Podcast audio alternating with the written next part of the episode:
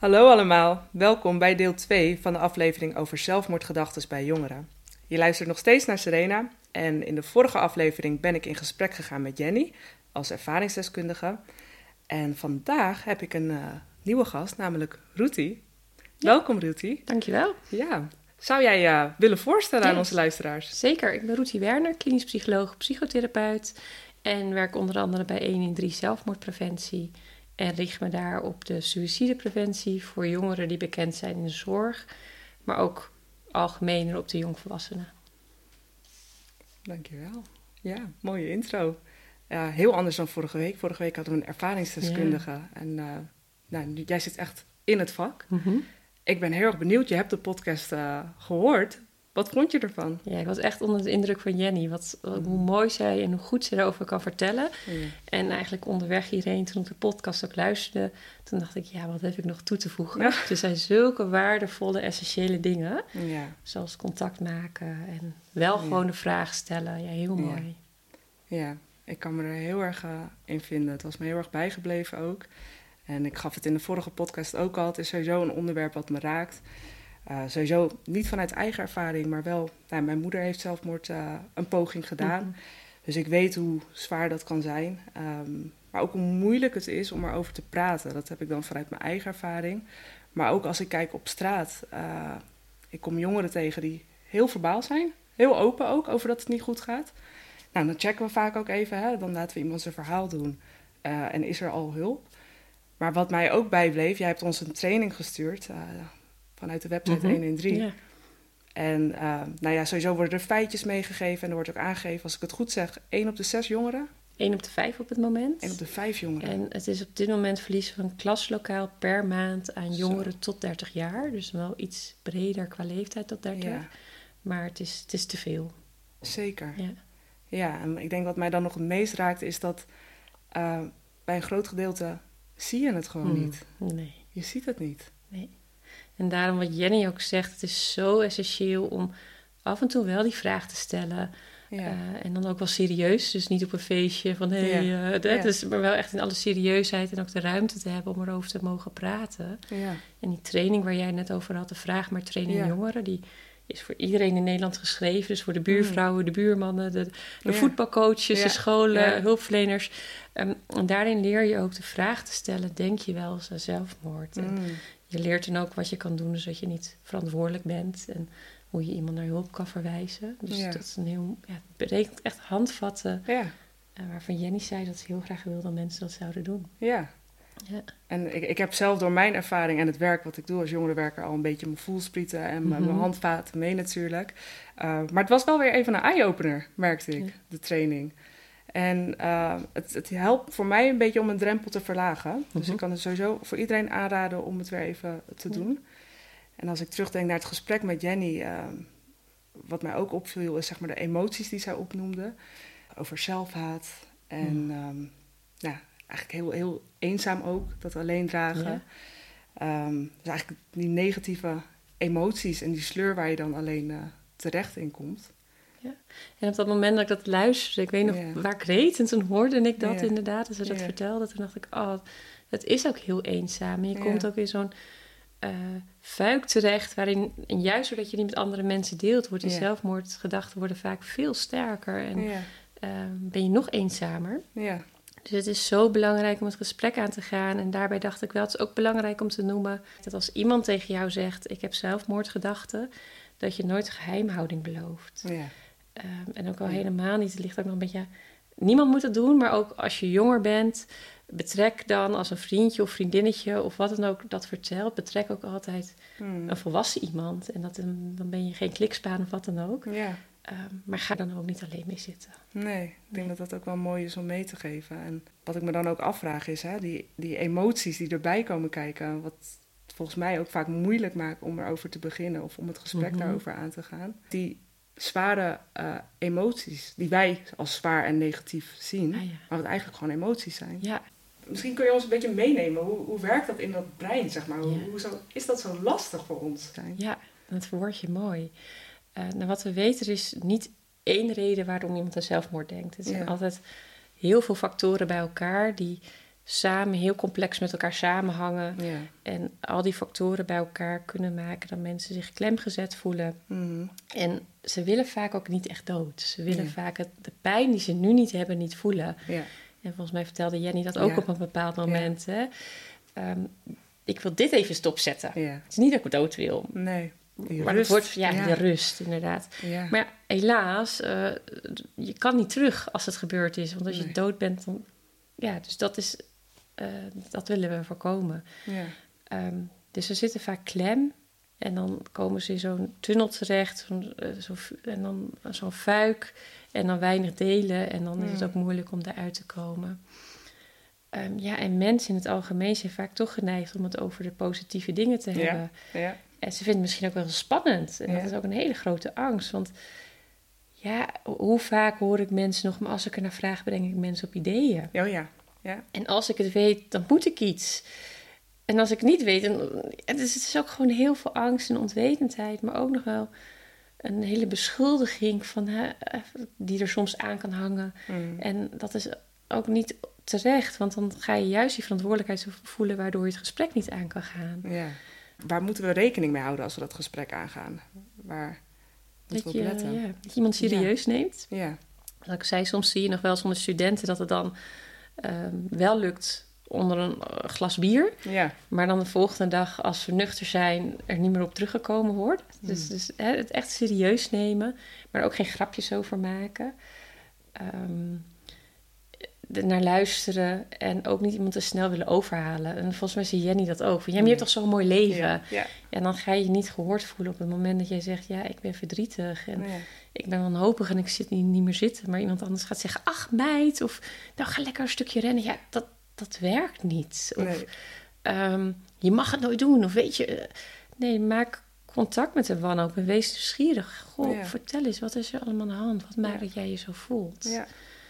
Joh, wat heb je allemaal op je bordje? En het gaat vaak veel meer over het contact aangaan met die wanhoop... Mhm. dan, ja, dan daadwerkelijk het dood willen. Ja. Als ik dan kijk naar het werk, hè, dan kom ik jongeren tegen en ik heb wel eens een jongere gesproken die daar dan heel open over was. Mhm. Nou, dan gaan we daar het gesprek over. Maar ik denk dat het ook belangrijk om te- is om te kijken, oké, en wat zijn dan nu de volgende stappen? En ehm, hoe schat ik dit in? Ja, ja. Wat er speelt bij, dit meisje, bij deze jongeren. ja nou, het eerste is een serieus nemen, het gesprek aangaan en gewoon luisteren en kijken wat er komt. Ja. Ehm, en soms gaandeweg dat gesprek komen er soms automatisch al ehm, dingen tot stand. Van, oh ja, dat komt gewoon echt omdat er zoveel ruzie is thuis. En ik zou het Mm. fijn vinden als daar naar gekeken wordt. ja. Voel nu al op... Het, het, Ja. het komt soms ook een beetje Dus qua die oorzaak eigenlijk, wat Jenny ook noemt, van waar komt het vandaan? Ja, wat speelt er? Dat Ja. kan soms wel helpen. Ik hoor je ook zeggen het woord inschatting. Dat is Ja. eigenlijk waar wij van nu in de hulpverlening zeggen... we kunnen niet inschatten of iemand een poging doet of niet. Nee. Eh, het kan elk moment eigenlijk heel wisselend zijn. Dus we maken daar wat dat betreft geen inschattingen meer in de hulpverlening. Eh, maar dus wel contact maken met die wanhoop... maar ook wel Mhm. tegelijkertijd met de ambivalente gevoelens... van wat is er nog wel, maar niet in de vorm van overhalen... Mhm. Maar meer van, joh, eh, en als je geen hulpverlener bent, laat gewoon zien dat je er bent. En Oh, dat je contact maakt. En Ja. contact maken kan al ambivalentie geven. Want ik Ja. voel dat zwarte gat, maar ik voel op dit moment ook liefde en contact met jou. Nou, dat, dat kan al.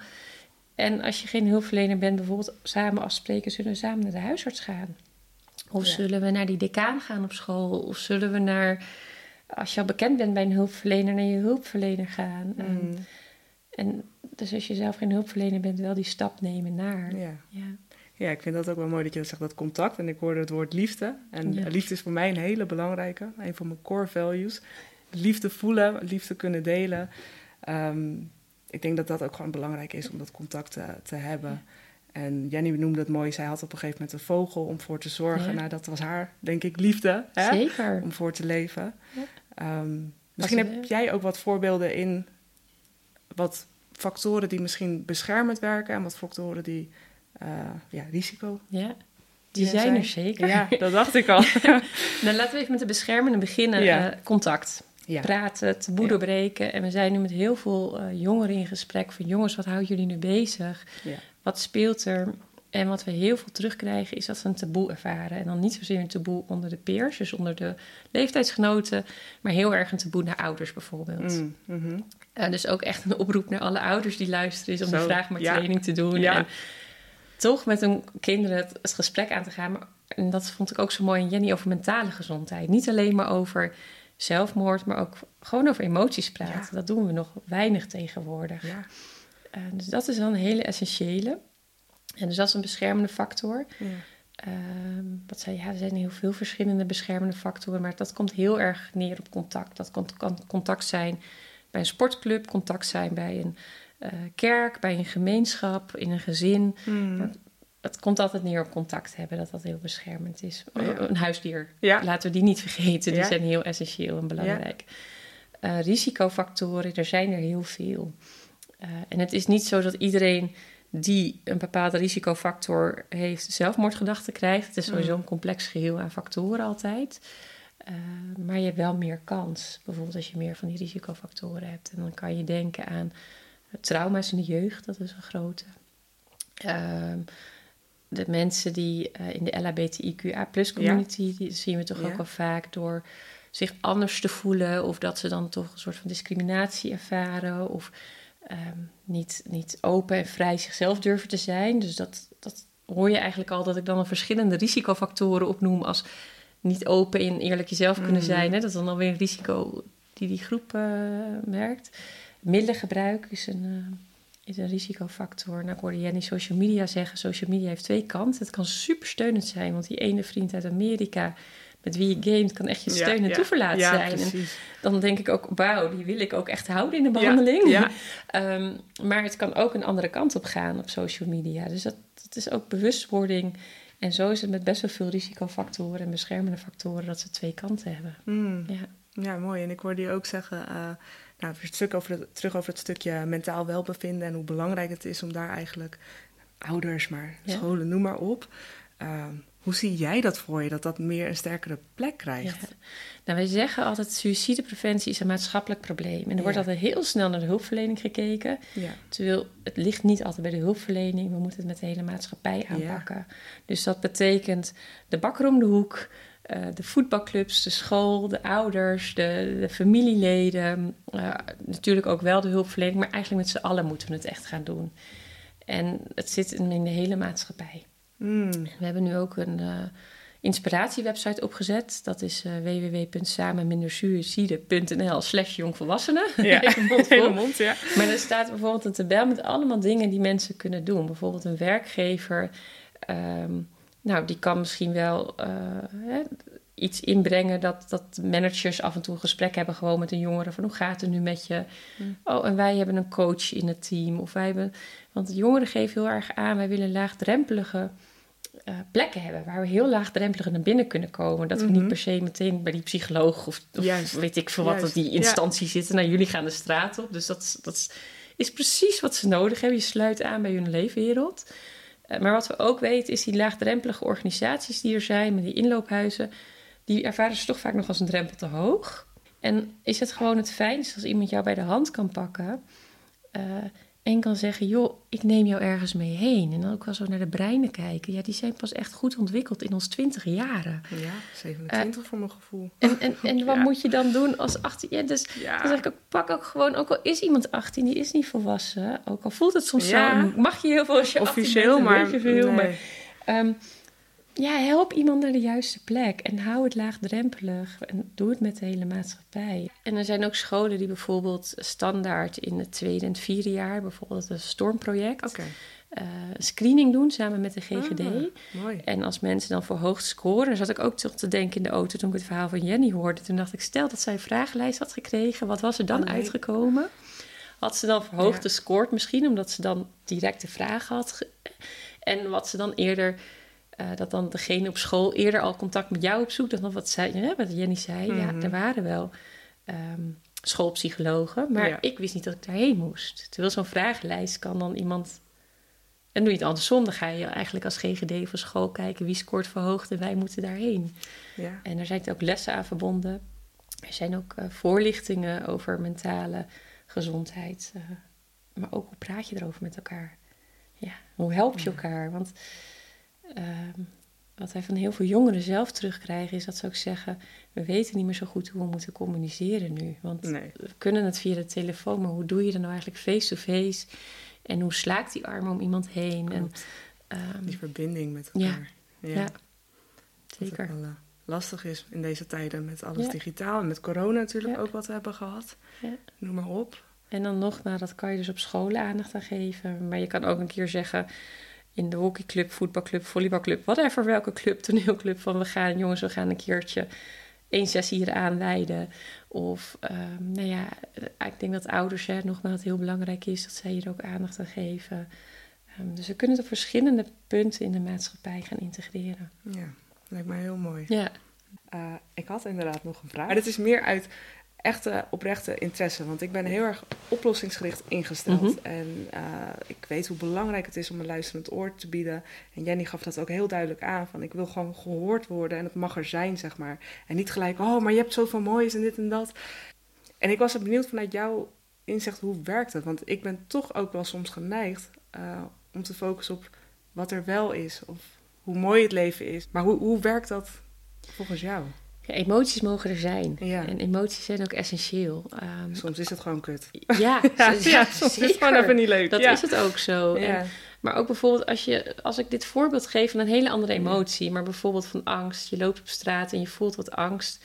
En dan denk je, nou, weet je, ik besluit even die andere straat te nemen. Dat heeft soms een reden. ja, intuïtie ook. Natuurlijk, als je de hele dag door angstig bent, dan, dan is het niet meer eh, echt een angst om naar te luisteren. Maar, en ook boosheid heeft bijvoorbeeld een, een reden. Want dat, iemand is ons grens overgegaan. Ja, En door boos te worden kan jij weer veilige grenzen voor jezelf neerstellen. Dus emoties zijn essentieel. En we zijn sowieso geneigd om die emoties vaak de grond in te stoppen. Terwijl, ik noem het altijd het innerlijke kompas. ja.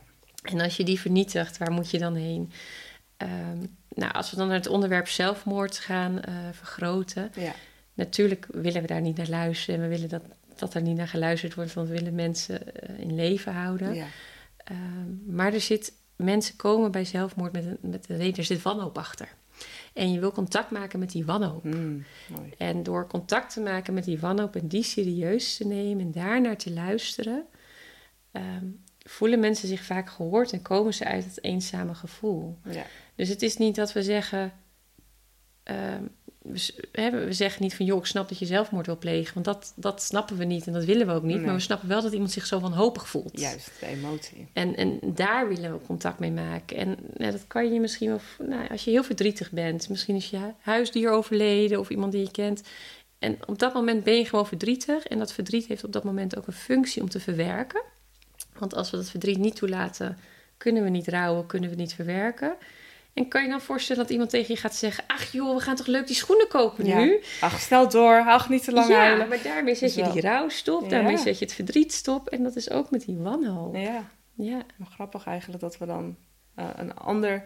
die dan zoveel invloed heeft op wat onze emotie zeg maar eh, Ja. met ons doet. En hoe belangrijk het eigenlijk is om inderdaad bij die kern, bij dat gevoel...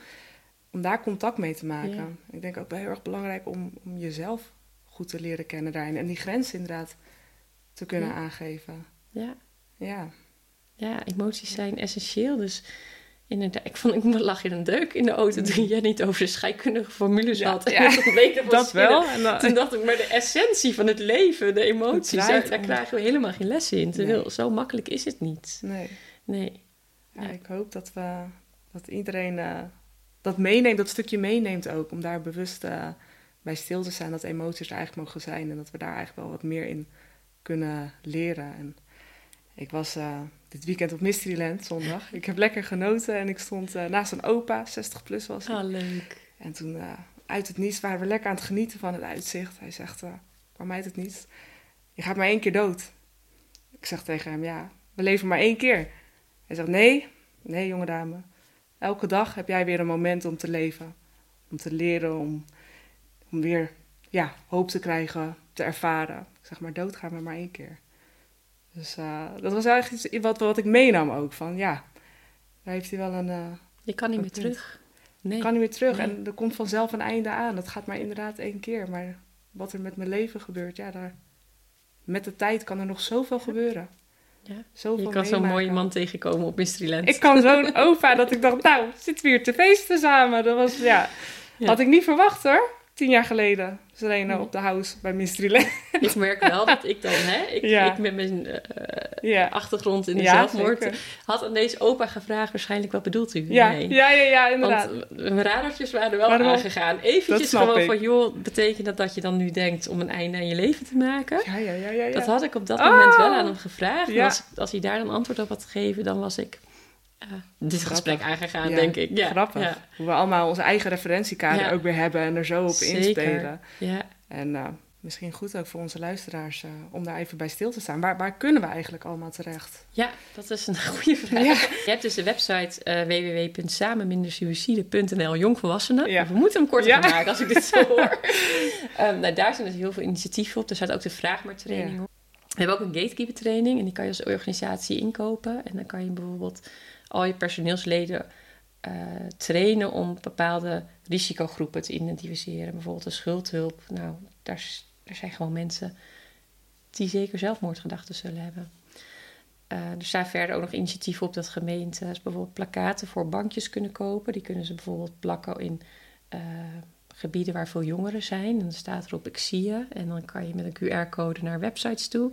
En jullie weten de plekken waar de jongeren zitten. Ja, als je ja, die ja, banken precies uitkiest. Ja, zo kan je al best heel veel doen. En ook dus voor werkgevers zorgen dat er laagdrempelige ehm, voorzieningen zijn. Of, of, scholen. En, dan, en dat is allemaal op die websites te vinden van Samen Minder Suïcide en van 113. En ehm, dat is nog wel belangrijk om te zeggen. De missie van Samen Minder Suïcide Jongvolwassenen is ook... ga het wiel niet opnieuw uitvinden, maar sluit aan bij wat er is. Ja. En op die website zijn dus ook allemaal dingen die werken, eh, die er zijn. Dus die hoef je niet opnieuw uit te vinden. Je kan ze gewoon meteen implementeren. Een van die dingen is die eh vraag maar training, die online training die overigens gratis is. En het duurt een uur. Dus als jij een uurtje op de bank zit vanavond, die gratis online Ja. training doet, daar kan je een leven mee Gelijk redden. Nou, dat zou geweldig zijn als elke luisteraar dat doet. Ja. En ook op de website van 1 en 3 hebben we een pagina voor professionals, voor het onderwijs, eh, voor jeugdzorgmedewerkers. We hebben eh, informatie voor andere naasten, maar ook voor hulpvragers. En die kunnen ook 24-7 bellen met de lijn. Ook ouders kunnen bellen met de lijn en advies vragen. En Dat is allemaal via 113 dan. allemaal Ja. via 1 en 3. Heel goed dat je dat zegt. Ja, er is veel. Mooi. Er is veel inderdaad. Ja, En goed denk ik om daar ook in te gaan verdiepen. En, Ja. eh, sowieso omdat het zo veel speelt eigenlijk. Eh, om daar meer aandacht aan te gaan besteden met z'n allen. Ja. Mooi. Top. Wij nemen het sowieso mee. Ik hoop Mooi. onze luisteraars ook. En wat ik... nou ja, dat is Jenny's wens ook volgens mij het belangrijkste. Echt een kreet wat ik bij haar hoorde is... Praat. ja, Praat erover. ja. En vragen Praat er. En vragen. Leg niet die verantwoordelijkheid Ja. bij diegene die zich als eenzaam Juist. voelt om die hele hoge, torenhoge drempel over te gaan. Ja. Maar geef ook af en toe aan van joh, weet dat het erover mag gaan. Ja. En dat ik er dan naar zal luisteren. Ja, Ja. heel mooi. Heb jij nog zo'n kreet of iets waarvan Oh. je denkt... ja, dit, dit moet echt gezegd worden, het moet gehoord worden. Ja, die sluit Dit is mijn heel- visie. Ja, die sluit eigenlijk heel erg aan bij wat Jenny zegt. Ja. Vraag maar. Ja, En ehm, als iemand geen zelfmoordgedachten heeft, prima. En als iemand ze wel heeft, kan dat echt een leven redden, die vraag. ja. Ja. Heel mooi. Nou, we horen het. Vraag maar. Een eh, hele mooie lijkt mij om mee af te sluiten. Dus eh, dit is weer een eh, aflevering van On The Spot. Wil je verder praten over dit onderwerp? Heb je nog vragen of ideeën voor een nieuwe podcast? Neem dan vooral contact op via TikTok of Instagram met jongerenwerker laagstreepje meerwaarde.